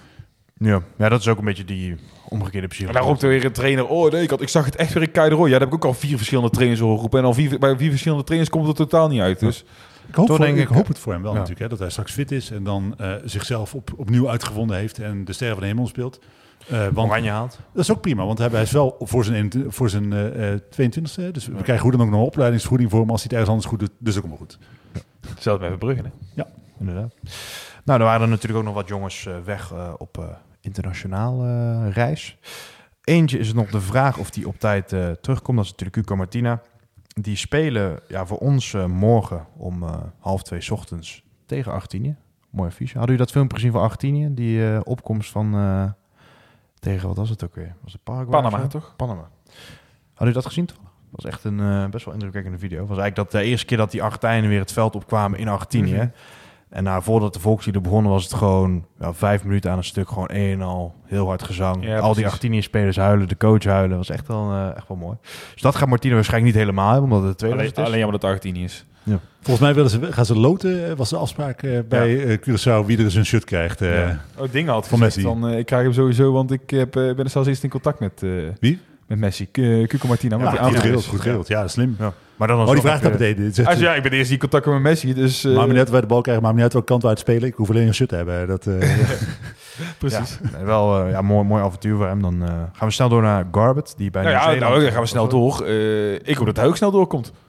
Nou, terug naar We hebben vrijdag nodig. want wanneer is hij terug als hij... eh, Nou, ik, ik weet dus bij PSV eh, dat die internationals die op dinsdag spelen, die komen dan, eh, en dat zijn gewoon internationals van Oostenrijk, om zo te zeggen, we hebben, die komen pas ook echt pas op donderdag terug. Dus nou, dan moet je nagaan dat zijn gewoon spelers die vanavond in Europa spelen. Als die pas donderdag terugkomen bij PSV, wat ik ook al eerst snap natuurlijk omdat die dag ertussen zit, dan denk ik niet dat überhaupt Cuco Martina nog een keer gaat trainen als hij van nacht speelt. En eh, Plus, Nee, je hij gaat gaat niet voor, trainen. vooruit Ja, in de tijd. zit Dus heb je tijd. meer last van een eh, jetlag, of niet? hoe, ga- hoe zit die tijd? Het is, Want je gaat vooruit in de tijd, als hij vanuit eh, eh, dus Zuid-Amerika... dan het scheelt eigenlijk Dus al daar zes- tien ja. uur eerder of zo. Ja, dus- nee, is overdreven trouwens. Nee, dat is overdreven. maar dan heb je toch meer last van een jetlag, of niet? Dat ligt eraan ja, wanneer je Nou, je nacht kan pakken eigenlijk. Dat is er echt van afhankelijk. Maar het is, niet, het is niet fijn voor hem, want hij kan sowieso niet meer trainen. Hij komt donderdag in de loop Ja, van goed, de dag dat je, op het moment dat je tegen Messi gespeeld hebt, dat is wel beter dan, dan een trainingje bij NAC, denk ik. En toch heb ik het idee dat hij vrijdag niet gaat voetballen. Ja, Aan de andere kant, hij had ook tien maanden of, eh, of iets dergelijks niet gevoetbald voordat hij naar NAC kwam, zonder ook binnen een week. Hè? Ja, dat is eh, nou, laten we maar gewoon hopen dat zijn vlucht geen vertraging heeft. op, Garbett, kar- eh, op karakter komt hij een heel eind, denk ik. Ja, ik hoop het. Ik, we hebben hem nodig. Garbett die moet helemaal, eh, als je de snelst mogelijke reis pakt, dan is hij alsnog meer dan 23 uur onderweg. Maar die is gelukkig al eerder klaar. Ja, die was zondag al klaar. hè? Zijn verhaal was, is natuurlijk wel fantastisch, hè? want eh, hij komt uit Wellington. Ze speelden voor het eerst sinds 2017 eh, in Wellington een eh, wedstrijd. Wat ik dus helemaal niet wist, Nieuw-Zeeland speelt de meeste thuiswedstrijden helemaal niet in Nieuw-Zeeland. Ze spelen de meeste thuiswedstrijden de afgelopen tijd in de Verenigde Arabische Emiraten of Qatar of weet ik veel wat. Dus het was sowieso voor het eerst sinds lange Ja. tijd dat ze weer in Nieuw-Zeeland speelden. Hij scoorde dus. Eh, dat was het allermooiste. Nieuw-Zeeland had 361 dagen niet gescoord in een wedstrijd. 9,5 uur voetbal. Eh, de eerste goal, die, eh, we hebben die wedstrijd met 2-1 gewonnen. De eerste goal was een eigen goal van de tegenstander. Dus Garbert heeft de eerste goal in een jaar tijd gescoord. voor Nieuw-Zeeland in zijn In hometown. zijn geboortestad. Die, Fantastisch. eh, die komt fantastisch terug. Ja, sowieso wel een jongen met po- potentieel, denk ik. Gaat blijven, hè? Ja, nou, dat is in ieder geval wel, eh, wel mooi. Heel even, eh, eh, hem moet je gewoon vastleggen, toch? Ja, toch, maar hij gaat ook blijven. Ja, maar is het, we hebben net advies gegeven over vertrekkende spelers. Nee, tuurlijk. Ja, sowieso. Ik, ik, ik zat wel een beetje zo... Ik vond het wel... Ik ging nadenken... Ik, ik heb lichtelijk nog wel met twijfels of Staring en Garbett het eh, blok, zeg maar, wat je dan een beetje gaat krijgen. Of dat het blok is waarmee je volgend jaar eh, boven de mee gaat doen. Ik weet niet of dat, of dat nog een jaar nodig heeft misschien. Ik denk dat je een heel eind komt, omdat ik Staring een van de... Ik vind het een goede aankoop en ik vind Garbert eh, met zijn dynamiek eh, Ja. ook heel veel toevoegen. Ja, ik vind het potentie zie ik er helemaal in. of die- volgend jaar al gaan staan Ja. met z'n tweeën om een, om een nak te gaan Het hangt dragen. een beetje vanaf. Hè. Op het moment dat je een goede verdediging daarachter zet Ja. en een eh, goede tien eh, erbij eh, zet, dan ben je heel eind. Ja. Dat klopt. Het zijn Ze zeker... hebben ook wel geëxperimenteerd met vet natuurlijk naar Staring. Dat Garbett sowieso wat verder vooruit. Uh, Jong PSV uit speelde Garbett eigenlijk bijna rechtsaanvallend, zeg maar. Ja, nee, precies. Maar Dus- ik, ik zie hem liever als eh, acht. Ja. Nou ja, het is eh, wel een jongen om in de gaten te houden. En eh, voor zover ik nu begrijp, is het ook wel echt een optie voor NAC. Eh, als ze hem willen, kunnen ze hem krijgen. Het is niet gebonden nog aan bepaalde voorwaarden. Dus dat is wel, wel, wel prettig. En ik denk ook, hè, dat is natuurlijk een van de doelstellingen van die bij de start... eh, Waarde creëren. Precies, waarde creëren. Exact. Nee, daarom is- moet je hem absoluut... eh, maar dat is wel ook puur de reden van of ze er volgend jaar dan al staan om het nak te gaan dragen. Er zit heel veel potentie in, maar misschien dat ze een jaar extra nodig hebben om het nak te kunnen dragen. Maar Ja. dat eh, moet de toekomst uitwijzen. Het eh, sowieso houden, dat, laat dat voorop staan. Dan de, de best presterende international kunnen we wel zeggen. Drie wedstrijden gespeeld. Ezekiel Manzuzi, zes goals. En ook het toernooi gewonnen. Dus eh, ja, echt een eh, best wel een, een, een reizende stijl wat dat betreft. We staan natuurlijk in een, eh, in, in een opstelling. Alle middenvelders komen van Ajax. De spits speelt bij Dortmund, dat is die Rijkoff. En op rechtsbuiten staat volgens mij ook een Ajax ziet. En dan staat dan een nakker op linksbuiten. Staat dus linksbuiten. Scoorde eerst was het meteen vier keer. En de tweede, de tweede en derde wedstrijd allebei een goal. En Die- eh, Was Ook het speler van die hem op rechtsbuiten had gezet? Panzuzi Ja. al een keer bij NAC? Dat pakte nog niet heel denderend uit. Maar ja. nee. Ja, linksbuiten heb ik hem nog niet zien staan. Nee, Eh, dat nee. niet, nee. Maar wat je dus vrijdag gewoon moet doen is eh, A, dat, eh, linksbuiten, plus een oranje shirt aantrekken. Ja. Gewoon de, voor de zekerheid. Gewoon onder zijn gene shirt. Gewoon voor de zekerheid. Zo'n chameleon. Gewoon voor de zekerheid. Ja, het is wel... ehm, Maar ja, is dat opvallend eigenlijk? Dat hij het daar goed doet? En maar NAC, prima. Hij, ik zeg, voor mij loopt zijn contract niet af als ik het dan Nee. eh, zo hoor. En dat is hebben volgend jaar altijd nog. Dus Nee, maar zijn contract loopt ook niet heel lang meer door. Hè? Nee, dat oké. Maar ja, jaar. weet je, als hij hier volgend jaar eh 30 inschiet, Ja, ja, maar dan ben ik alleen al blij dat hij er 30 inschiet. Dan, heel even, op het moment dat hij er zo op staat eh, en hij nog contract voor één jaar heeft na dit seizoen, dan moet je hem toch in principe verkopen. Hè? maar je zult er ook een plan mee moeten hebben. Want als hij nu, net als nu heel weinig speelt, ik denk Ja. dat een speler dan een keer zegt van, dit is- ik doe nou voor een tweede keer mijn contract hem- verlengen. misschien ook wel de conclusie kan gaan trekken inderdaad. Dat je hem misschien beter kan verkopen, nog wat voor krijgen. Want natuurlijk is het potentieel in die jongen. Maar op dit moment brengt hij het in het nakshirt nog niet. Ja, Dus- maar de- dat, dat is dus een beetje, dat is ook, eh, ik lig niet van heel veel dingen wakker, maar dit zijn wel dingen die je zelf afvraagt. Inmiddels staat het ook Oh, al man. aardig deze ik slaap eigenlijk al. Dit is, ik, ik weet ook niet zeker of jullie echt bestaan. Of ik hallucineer. nee, maar als hij eh, zo vaak eh, scoort in het eh, Nederlands elftal, dan en best wel structureel doelpuntjes meepikt links en rechts. Hè. Het is niet zo dat hij toevallig nu een paar wedstrijden scoort, maar hij scoort best wel regelmatig als Ja. hij voor Ja, vertegenwoordiger nu überhaupt vaste waarde is, hè? Want als jij de aanvoerder van Jong Ajax transfer over kan nemen, dan teken je ervoor. En hij zit wel gewoon tussen dat soort spelers. Precies. En dan denk ik, ja, eh, ligt het dan niet gewoon aan het elftal waar hij in Breda in voetbalt? Of ja, de- toch het seniorvoetbal. Waar die wat minder op het zijn... kan eh, niet alleen aan het elftal liggen. Je moet dan zelf altijd nog onderscheidend kunnen zijn eh, en zich aan de andere malaise onttrekken. Maar dat zie je bij Staring ook. Die heeft ook om zich heen niet altijd even de denderende voetballen staan. Of een Cuco Martina. Maar, Maar- dan zie je wel aan dat de kwaliteit heeft. Heb ik bij het Bonsusi nog te weinig Het gezien. verschil bij Banzuzi tussen hoe hij in Oranje presteert en hoe hij bij NAC presteert is zo gigantisch. Ja, Dat ik, Want het lijkt bij NAC soms alsof hij met doos om zijn schoenen ja, voetbalt. precies dat. En Bazouz is ook wel iemand die natuurlijk afhankelijk is van de ballen die hij krijgt. Bazouz is niet een aanvallende Hebben jullie eigenlijk middenvelder. de goals gezien van hem? Ik heb ze... Waren het fatsoenlijke goals? Ehm sommige wel- intikkers? Ja, eh, even denken hoor. tegen Mexico. Er zaten zeker gewoon drie hele goede goals Ja. bij. Ik zeg, dat dan kan natuurlijk ook zijn dat, dat, dat heel het elftal en dat dan Nee. Hij staat net op de goede plek. Eentje die, die dan, eh, eh, vanuit rechts kwam die naar binnen en krult hij echt in de verre hoek. Oké, Dus een ja, en als er zulke goals zijn dan... eh, Eentje ging die buitenom, kapte hij zijn mannetje uit, schoot hij met links in de verre hoek. Dan eentje dit, waar hij van de punt 16 in de bal kwam rennen en hem gewoon goed binnenschoot. En dan nog wel een intikketje volgens mij. Maar nee, niet, oké, niet maar per se dan, nee, allemaal, dan... eh, geen Inzaghi goals. Maar wat zou die, wat zou die dan voorstellen? Hè? Want we blijven gewoon advies geven, gevraagd of ongevraagd.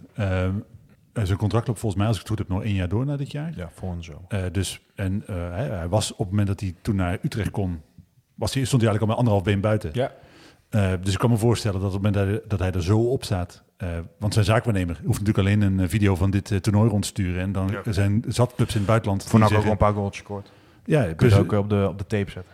Dus ik, eh, zou hij überhaupt bereid zijn op dit moment om, om bij te tekenen? Want eh, het risico dat je hem volgend jaar gratis laat, laat gaan, is natuurlijk wel... Dan moet je zo'n gigantisch goed plan hebben. En dan moet je hem echt eigenlijk gewoon onbetwiste baasspeler laten Ja. worden, denk ik. Maar als hij niet bij wil tekenen, de, eh, nu, eh, dan moet je hem deze zomer toch gewoon verkopen. Ja, dan Zeker natuurlijk. Dan, omdat hij ook nog niet echt van hele grote waarde is voor NAC 1 op dit dan moment. krijg je een Verbrugge verhaal. Dan moet je gewoon Verbrugge- moet je hem bij spreken voor... Ja, maar dat is dus het risico, hè? Want Nee, zeker- ja, maar, maar uiteindelijk kunnen we aan Verbrugge nu ook gewoon nog een miljoen, twee miljoen krijgen. En als maar- je op dat moment beter hebt lopen, kun je Ja, maar- beter... eh, Ja. als we Verbrugge als eerste keeper hadden gehad, dan waren we ook voor jaren in principe klaar geweest. nee. Weet ik niet. Want ik denk niet, bij NAC had je geen 10 miljoen gekregen. Als, als Verbrugge, als Verbrugge Had je, als, maar, had je uiteindelijk ook maar 2 miljoen gekregen. Ja, maar uiteindelijk wil je je eigen elftal toch zo goed mogelijk maken. hè? ja, maar als een 20-jarige keeper bij NAC in het eerste heel het seizoen de ster van de hemel keept, dan is hij weg. Dan gaat hij gewoon naar. Ja, en dan is het ook anderhalf miljoen en dan is je ook weg. Ja. Dus ik denk dat dat wel meevalt. Maar dan zeggen jullie dus eigenlijk, je moet je talenten eigenlijk altijd vroeg laten gaan, om in de hoop dat ze bij een grotere club meer geld opleveren. Dat is ook een rare manier van eraan, eh, ligt beleid eraan. maken. Kijk, stel nou dat jij... eh, stel je hebt eh, een hele talentvolle spits en die wil eigenlijk niet verlengen tenzij die baasspeler wordt. Mhm. Maar je hebt, op, je hebt op dit moment Jort van der Zanden, die op dit moment, niet qua potentieel, maar op dit moment een betere voetbal is. Dan kun je denk ik wel die keus maken. Kijk, Banzuzi die gaat nog niet alles spelen volgend jaar, denk ik. Op basis van wat hij dit seizoen heeft laten zien. Dus als je dan nog geld voor hem kunt krijgen. Ik zeg, ik, ik zeg inderdaad niet dat je moet verkopen dat hij eigen eh, gebruik- eh, zelf kan gebruiken. Maar je moet wel talenten een plan geven en zorgen dat ze een rol krijgen in het elftal. Kun je dat niet, dan moet je je zegeningen tellen en zorgen van... eh, Nou, als je dat dan probeert in te vullen, denk je dat op dit moment eh, met de mensen die wij nu in de organisatie hebben, dat de kans op zo'n plan eh, eh, groter is dan dat het vorig jaar was? Ik denk van wel, maar eh, nog, ik weet niet of het voldoende is om hem binnenboord te houden. Betwijfel ik ook. En dus moet je hem verkopen. Dan wel. Ja. Tenzij je zeker Verbrugge weet- was ook een Ja. verhaal, weet je. Die kon, hebben ze dus uiteindelijk dan niet die eh, plek als tweede doelman aangeboden. Of dat was dan het verhaal. Eh, Wat achteraf gezien wel echt debiel is. Ja. Wat echt debiel is, eh, vind ik. Want Kortsmit, alle, alle respect, maar ja, sorry, dat is gewoon raar. ja, Als je zo'n talentvolle doelman hebt, is het gewoon echt heel raar dat je hem geen tweede keeper maakt. achteraf wel. We hebben ook een keer Van de Merbel, maar hebben we nu als tweede doelman. Ja, die heeft ook maar één keer gekiept. Was ook niet... dat is ook een talentvolle doelman volgens de mensen binnen NAC. Dus Ja. Ja, misschien dat het ook wel op gang komt, hè, dat hij toch al interesse heeft. En dan eh, zien, gaan we het vanzelf zien. Gaan we snel verder, want we hebben natuurlijk nog wel wat eh, te bespreken. We spelen vrijdag tegen VVV uit. Voordat we daar eh, op VVV in gaan zoomen, die natuurlijk best wel goed doen de laatste tijd, speelden wij ook nog een, een oefenwedstrijd tegen Lierse S. Niet SK. Mag die kaders, de K is silent. Ja, Dus die mag je... stille K inderdaad. En die, eh, die werd met 3-4 verloren. Ik ga dan even puur af op onze ja, collega's, conculega's van de BN De Stem. Die eigenlijk zei dat eh NAC eh, dramatisch slecht weer stond te verdedigen. De goals werden makkelijk weggegeven. Uiteindelijk toonde de ploeg wel karakter en kwam het onder andere nog eh, tot een 3-3 gelijke stand door twee goals van Luc Bijnissen. Ja, dat is het meest positieve. Dat is positief inderdaad. Maar toch 3-4 verloren, ja. Een resultaat boeit mij persoonlijk nooit zo erg bij een oefenwedstrijd. Nou, maar de manier waarop vind ik wel interessant. Dat inderdaad wel. Ja. Dus de verdediging, maar dat, dat kennen we misschien al een beetje. Ik wil dan even inzoomen op... eh, Iedereen heeft het hele seizoen gezien. We kunnen voor geen ene hol verdedigen. Dus dat is niks nieuws. Maar is het dan misschien goed dat Luc Marijns terug is? Is hij een serieuze optie? Ja, nou ja, met deze verdediging wel. Want ik vind Marijnis wel veel meer body hebben dan bijvoorbeeld een Bestelink. En We hebben hem natuurlijk vorig jaar niet heel veel aan, in actie gezien. Hè. Eh, die, ik kan me die wedstrijd dat hij bijvoorbeeld de graafschap was. De Graafschap was ja, het, ja. Tegen naast Sierenveld, dat was fantastisch. Dat was echt, Ja. eh, echt Was hij nog beter dan Sierenveld? Ja. Eh, dus op het moment dat hij dat structureel kan brengen, moet hij altijd spelen. Eh, Alleen, eh, hij heeft natuurlijk heel lang gesukkeld met zijn eh, eh, fitheid. Eh, ik hoop dat nu hij fit is, dat hij het weer kan brengen. Want dan zie ik hem heel graag spelen. Want nogmaals, ik, Ja. eh, eigen jeugd heeft mij altijd een streepje voor. Ja. En zeker met wat er nu staat met Veldhuis en Bestelink. Ja, we hebben wel eh 23 podcasts volgens mij aan. Ja. steeds inmiddels. Het daar- is voor Bestelink ook helemaal niet erg om gewoon met leeftijdsgenootjes te voetballen af en toe. Hè. Het hoeft niet altijd in het eerste te zijn om minuten te maken. Zeker als Marijnissen dan... Nee, maar dat is geen alternatief.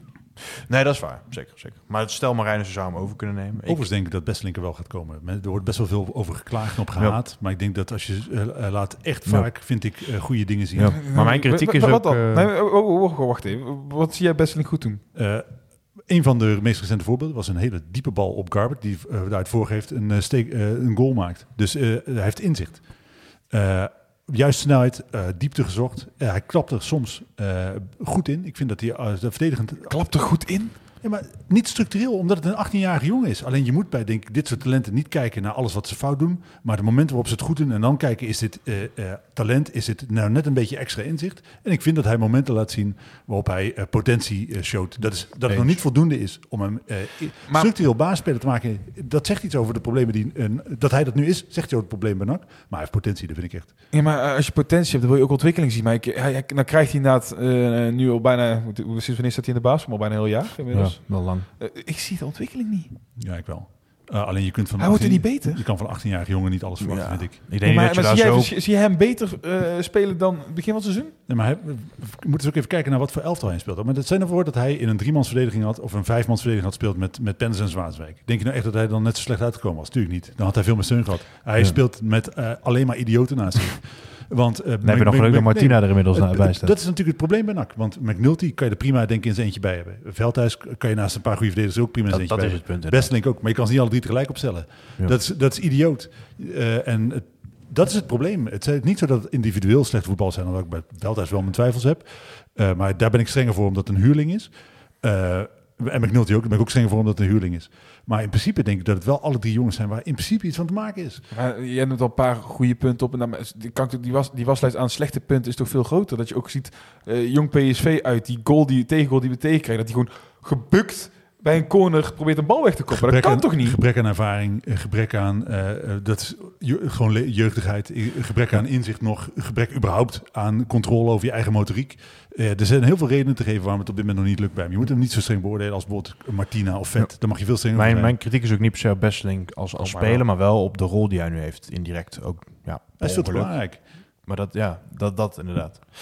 Dat maakt hem natuurlijk wel een uh, mikpunt van kritiek. En dat is wel zonde, want dan heb je misschien wel dat over anderhalf mensen zeggen... oh, hij speelt nou al zo lang bij NAC, maar hij heeft het nooit laten zien. Maar dat is ook niet echt de juiste het juiste pad. Kijk, want als je nou bijvoorbeeld naar ontwikkeling gaat kijken... en dat is dan Mashart is dan, eh, denk ik, het, eh, eh, die, dat is een jongen die echt stilgestaan heeft in zijn ontwikkeling. Die gewoon geen stap gemaakt heeft uiteindelijk. De, waar die alle kansen gehad heeft. Als je Besteling net zoveel kansen geeft als dat je Mazart uh, gegeven hebt... vermoed ik dat je over drie jaar echt heel anders tegen hem aankijkt. Denk ik vraag me echt af. Ik kijk echt andere wedstrijden. Ja, oké, okay, dan zetten we dit ook voor de Ja, 500 ik, uh, podcast op het lijstje. Wijs de krediet echt klaar. Ik, ik, ik, dan is misschien... Wat, wat, zetten we erop? Ik, ik denk, uh, dit is wel een, een voor de hele lange termijn. En misschien ben ik tegen de tijd al senior en weet ik het niet meer. uh, maar ik vermoed dat hij een uh, goede Eredivisie-speler gaat worden. Een goede Eredivisie-speler, ja. ja. Dus dat hij bij, laten zeggen, nummer 10 tot en met 14 goed mee gaat kunnen. Dat hij, dat denk ik echt. Dat nou, laten we 8 tot en met 14. Ik, ik, vind, die, ik vind dat nog niet eens heel erg gewaagd, moet ik zeggen. Dat is bij een prongelijk, een prongelijk goed... Wie kan je van de huidige selectie noemen die een goede Eredivisie-speler is? Dus op het moment dat dat erin zit, dan zijn we toch al een heel stuk verder dan we op dit moment zijn. Cuco. Ik, ik, ik geloof er eigenlijk, ja, daar durf steeds wel mee te gaan. Ik geloof niet dat hij een rol gaat hebben bij... Komen we over uh, ja, 440 af, uh, afleveringen op terug. Dan even kort uh, VVV. Uh, staan vierde, gedeeld derde eigenlijk. Doen het heel goed. Er zit wel uh, echt wel ik, in die, Mag ik nog één ding even aanhalen trouwens? Even kort. Want uh, die oefenwedstrijd. En die oefenwedstrijd was ook nog een interview met Boeren. Ik weet niet of je die gelezen hebben. Ja, daarvan dacht ik echt... Uh, dat is hè, een veel ervarende speler. Daar ben ik veel strenger voor. Ik denk, ja maat, je hebt het ook nog niet laten zien hè? Nee, precies. Ik vond het een bijzonder interview. Ja, sorry dat ik even het ja, programma ja. even dan uh, daarin... Ik schoon me niks te binnen. Maar, uh, We gaan gewoon over het uur heen. Dat kan ook natuurlijk. Ja, want wat hij gezegd heeft natuurlijk in dat interview... is eigenlijk baalt hij van het feit dat hij op de uh, reservebank ja. zit. Uh, vindt hij, heeft hij moeite met zijn situatie zoals die op dit moment is. Ik, hoe, ik weet niet hoe je dat zeggen. Ik snap dat, want hij speelt niet. En als je, on, als je een tevreden wisselspeler moet ik nog tegenkomen. Ja. maar het is wel een beetje zijn eigen schuld dat hij op de bank zit. Ja, ja dat het, uh, het bedje lag gespreid voor mij, want uh, Van der Zander was natuurlijk geblesseerd. En als hij op dat moment... En het draaide op dat moment ook nog best wel lekker het elftal. Oké, okay, ja. we hebben die jonge Utrecht de wedstrijd tussendoor gehad, maar uh, daarvoor liep het best lekker. Dus nee, ja, ik, ik heb ook zoiets van, laat het eerst maar eens zien inderdaad. In, op dit moment is die oma zo laat tien keer meer zien. En Van der Zander gaat er ook niet uithalen. Mm, die zie ik op termijn misschien er wel uitgaan. Voor boeren? Maar dit seizoen al? Of? Ik sluit niet uit dat dat op termijn gaat gebeuren. Okay, ik denk die... dat NAC echt flink, dat ze flink door dat zelfs van de zanden niet altijd even zeker Dit seizoen gaat hij toch gewoon als in uh, eerst spits uh, eindigen? Normaal gesproken wel, maar als boeren volgend jaar zijn kans... Ik vraag me alleen, ik, ik, ik, ken ik boeren niet toen voor mij dat. Ik hoop dat hij dan de mentaliteit nu toont om zijn kans echt ter, terug te vechten inderdaad. Dan wil ik nog wel eens zien inderdaad of je volgend jaar met Van der Zanden nog steeds in de basis staat. Oké, okay. die parkeren we voor de iets kortere termijn. Ja, nee, daarom. Helemaal goed. Ik vind niet af dat ik niet tevreden ben over Van der Zanden, maar ik, ik zeg, ik denk als NAC echt flink door wil selecteren en je ziet wel echt het, ik, dat vind ik tenminste op dit moment echt een vrij groot verschil tussen Omarsson en Van der Zanden. Dat, daar zit echt Zeker. wel uh, flink kwaliteitsverschil in. Ja. ja, maar de werklust die Van der Zanden aan de dag legt uh, is uh, van je kan hem al groot prima bij waarde. Precies, ik denk dat je het echt nodig hebt. Ja, ja nee, dat, dat waardeer ik ook, maar ja, zien. Een schatting voor jullie. Hij speelt niet altijd, maar scoort wel heel vaak. Nick Venema bij VVV. Wat is nou de percentuele kans dat hij tegen NAC gaat scoren? Ja, natuurlijk. Die is uh, denk ik 170 procent. ja. Die gaat dus zo, weet je, die gaat dus zo voor het uitvak staan ook. Met zijn oortjes gespreid. Ik vraag wel of, of hij slim genoeg is om het juiste vak te kiezen. Want er gebeurt in zijn hoofd echt helemaal niks. Uh, dat, uh, nee, dat is nou ik heb laatst een keer in een podcast een anekdote gehoord. En ik, ik, ik, ik, ik ga nu even, het gaat heel slecht worden wat ik nu wil zeggen. Maar ik weet dus even niet meer welke podcast. Maar het ging inderdaad over... Ken je de anekdote nog wel? half, ongeveer half, half. Dus ik hoop dat mensen in de reactie niet zeggen... ik heb deze anekdote ook gehoord.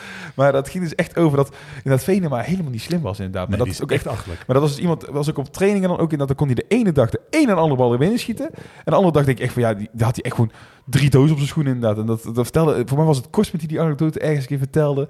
En uh, dat, het is altijd of een 10 of een 1. Dat was echt, er zat niks tussen.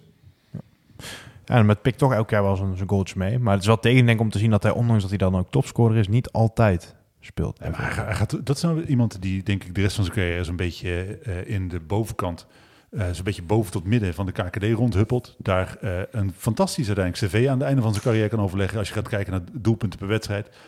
Eh, dat, volgens mij komt het wel goed. Ja. Maar hij gaat natuurlijk nooit de Eredivisie halen. Dat geloof ik echt niet. Het ligt er ook een beetje aan natuurlijk hoe NAC gaat spelen. Als NAC uh, vol de druk naar voren gaat, dan gaat hij meer kansen krijgen met zijn snelheid. Gaat NAC alweer die bus parkeren. Nou, laten we zo meteen kijken wat we het beste kunnen doen. Maar eh, dan gaat hij al wat minder kansen krijgen, want dan heb je niks aan Nick Venema. Toen verwachten jullie dat NAC eh, voor de dag gaat komen? Want, ehm, Goeie Wat- vraag Thijs, hoe kom je eraan? ja, dat hoor ik eh, toevallig. Nee, wat we natuurlijk wel hebben gezien is dat Ibala wel misschien wat inlevert op zijn eigen filosofie. Door het wat, om het om dan indirect wat stabieler neer te zetten. Is dat ook iets wat uit bij VVV, natuurlijk gewoon het nummer drie gedeelte van de competitie. Is dat eh, een wijze strategie of denk je dat je ze wel moet proberen aan te pakken? Ja, weet je wat het is? Eh, ik kan na zoveel wedstrijden onder die ballen eigenlijk nog niet ze- zeggen wat hij nou van plan is. Eh, ik heb al. gewoon geen idee wat hij nou precies wil. Eh, ik, vind, dat, ik ben best wel teleurgesteld volgens nog in wat hij laat zien. Ik vind, eh, er wordt volgens nog, zie ik niemand beter worden. Zie ik het elftal niet beter gaan voetballen. Eh, Vind je niet beter dan met Molenaar? Ik vind het wel Ik vind het ik, wel nee, wel maar beter. hoor. ik vond het onder Lokhoff eh, logischer.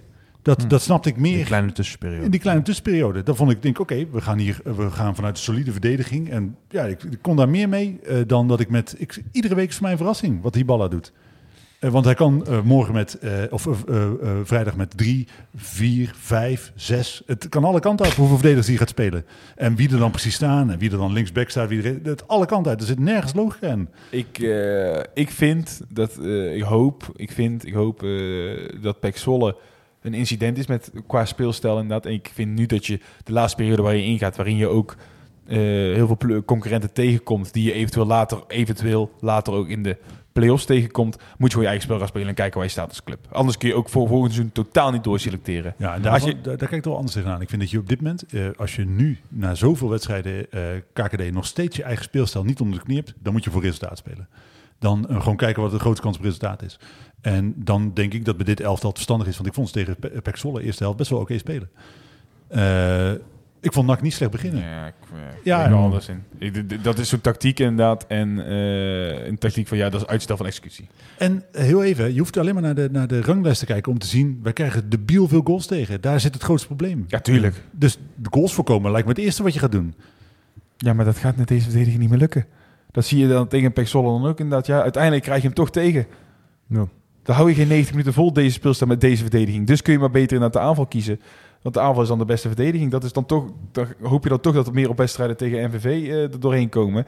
Plus, als nou gewoon die speelstijl doorzet. Want ik, ik neem aan dat het een beetje tegen VVV ongeveer de speelstijl was waar we naartoe moeten. In ieder geval, in ieder geval dat dat een startpunt zou kunnen zijn. En dan moet je daarop doorbouwen inderdaad. En dit seizoen, dan ga je misschien uiteindelijk dit seizoen de play-offs niet halen. Dat zou ik echt heel jammer vinden dat dat allemaal wel voorop staat Ik zou natuurlijk. best wel kwaad zijn zelfs. Mm, Ja, mag er zelfs kwaad van zijn.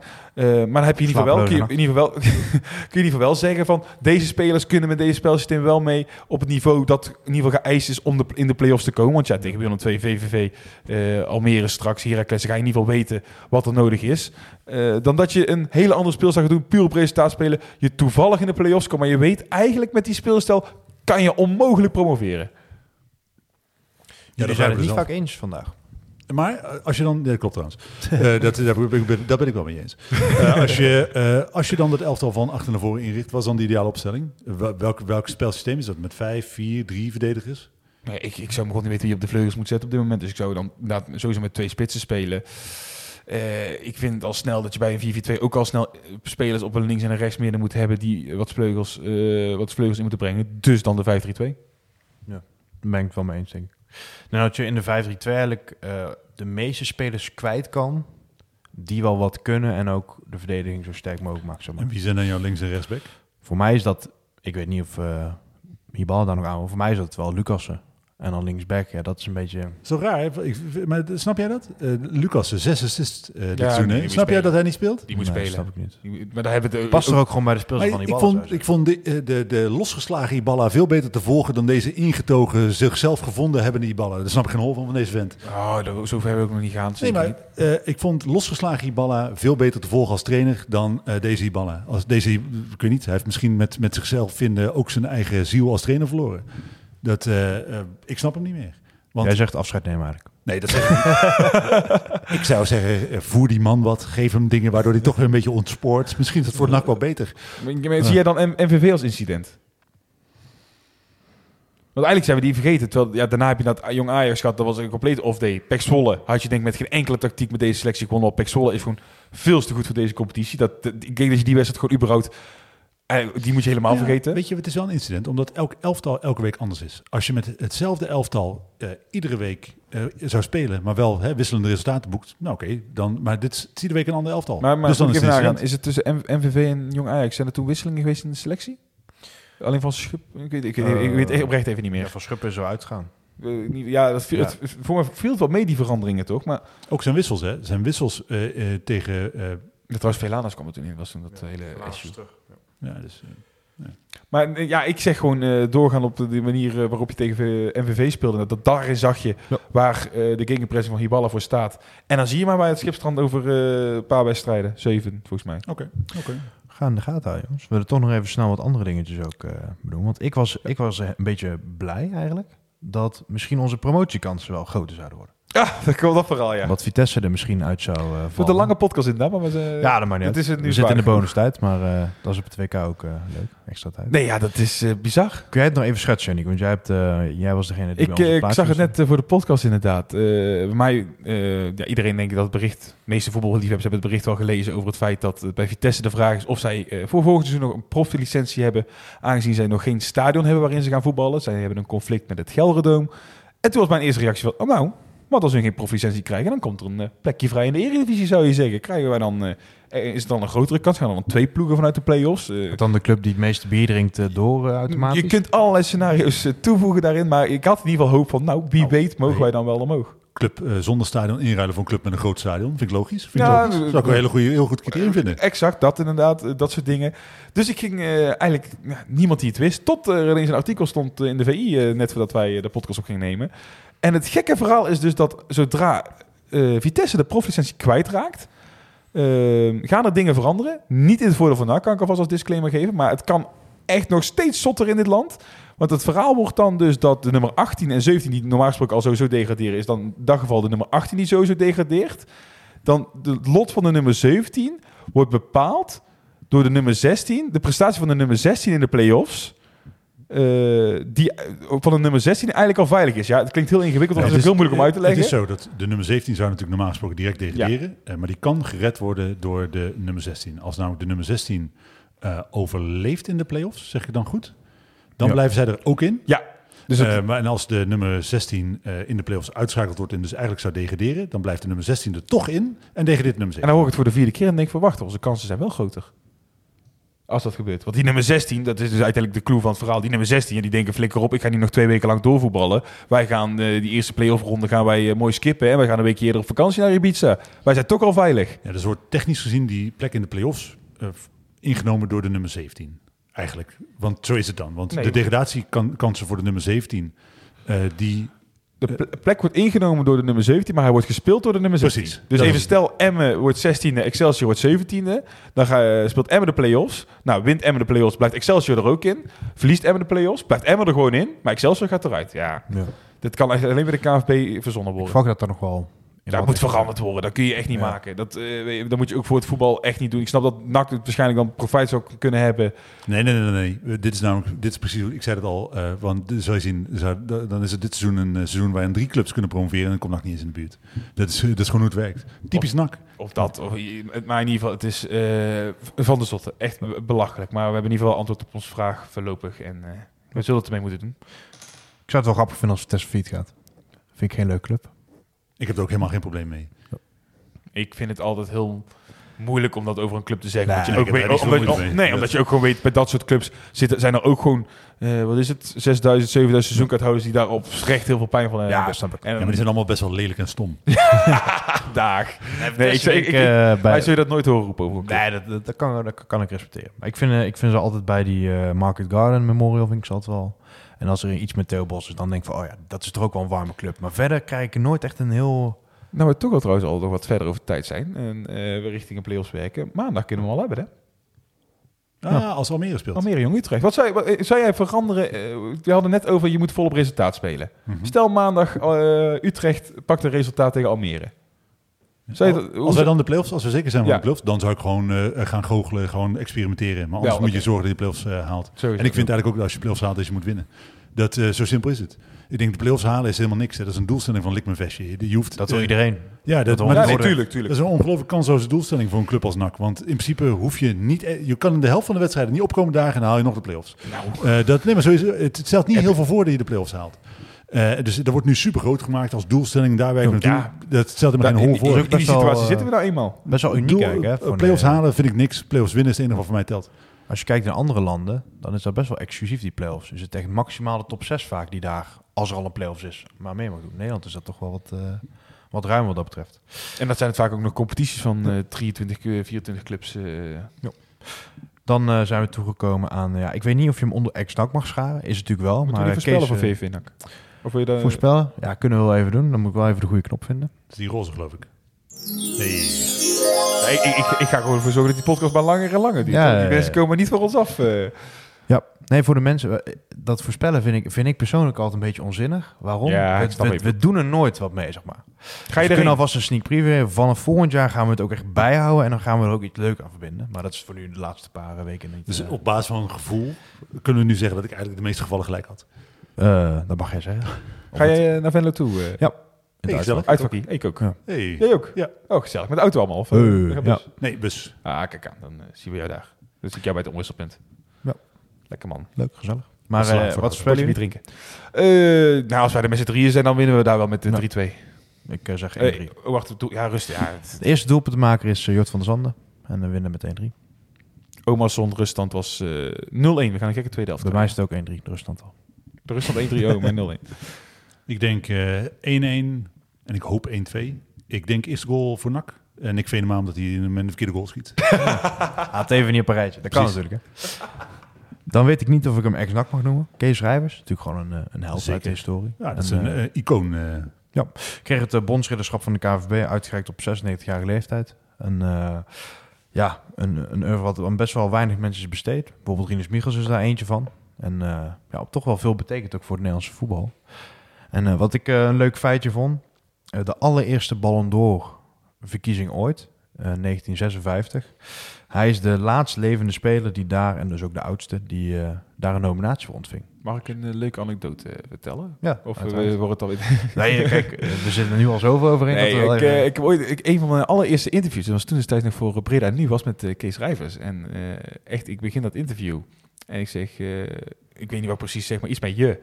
En ik zie achter Kees Rijvers, zie ik echt mijn, eh, op dat moment leidinggevende, in ieder geval leidinggevende, iemand die Ja. eh, mij daar met, naartoe had gestuurd. Dacht, Kijk, van, dus ik, ik ga gewoon door, ik interview hem, die- Kees vond het allemaal prima en dergelijke. En daarna komt ze, ja, sorry ook Kees, dat hij niet ging, eh, dat hij niet met u heeft aangesproken. En Kees zo, ja, maar hij moet me ook gewoon met je aanspreken.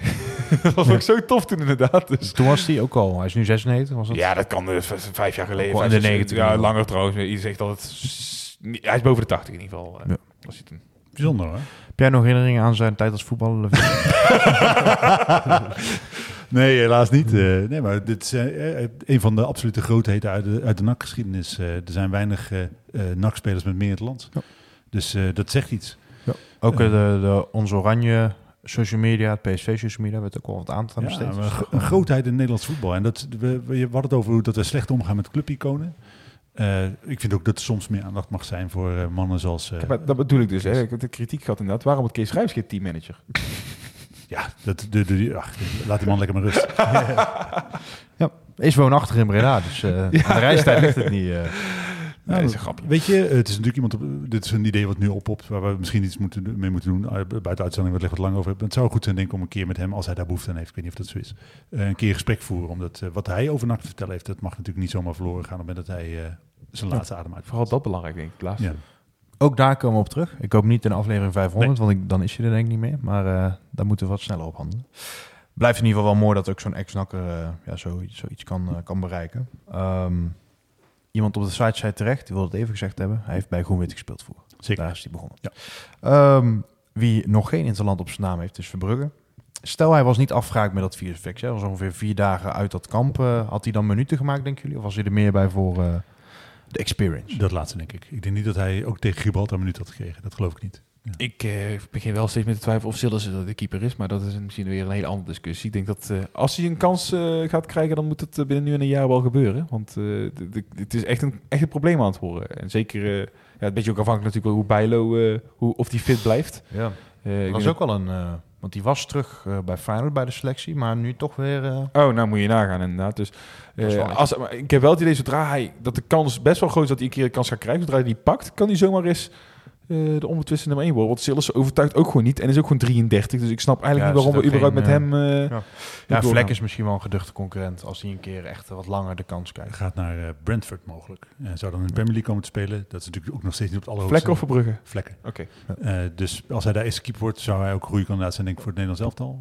Eh hangt- Verbrugge is natuurlijk ook de vraag hè, waar hij heen gaat. Als hij daadwerkelijk naar Real Madrid, Manchester United, Liverpool gaat, dan wordt hij voorlopig geen eerste keeper van het Nee, Nederlands elftal. moet hij eigenlijk niet doen, hè? Nee, hij moet naar een club gaan waar hij uh, speelend krijgt. Ja, of bij Anderlecht blijven, even. Geen probleem. Snel verder. Van Hekken en Van Hooydonk allebei basisdebuut voor Jong Oranje. Allebei helaas niet gescoord. Ja, basisdebuut was een trainingskamp waarin iedereen minuten kreeg. Dat Dus wel. Ja. Dat, ik had zorgen Van Hekken twee potjes in de baas en Sydney Ah, eh, zo. een eh, basisplaats en een invalbeurt. Ik had zorgelijk gevonden dat ze niet gespeeld hadden. Ja, wel, eh, van Sydney had ik het niet per se verwacht. Maar toch wel vet dat hij er nog... eh, Maar dat is het, hè. Er zijn niet zo heel veel goede spitsen op dit moment in Nederland. En eh, dat heb ik al vaker gezegd. De Wout Weghorst-route ligt voor hem echt open op het moment dat hij... Hij heeft nu dubbele cijfers bij Heerenveen. Eh, hij is onderweg. staat er ook nog maar eh, drie goals onder de topscorer, Dovikas. Dus eh, In een slecht draaiend elftal. Ja. dan... en nog eh, eens alles gespeeld. Nee. Ja, Doefkas ook niet, maar... Dan uh, ja, doe ik als wel dat, dat spandoek wat natuurlijk enorm in zijn voordeel speelt. Eigenlijk moet je dat in Heerenveen ook, maar dan met van die, uh, die roze... Ik vind dat wel oprecht. Ik, uh, ik waardeer dat spandoek ook. Ja. Fantastisch dat Door, zo verzint. Zo gaat hopen dat die vent niet een keer per Want ik vind hem er altijd heel veel overheen hangen. Kom, focus, focus jongens. We moeten richting einde. We moeten... Ja, nu zijn we toch al zover. Nee, nee, eh, nee, gaan je mag niet opgeven. Focus.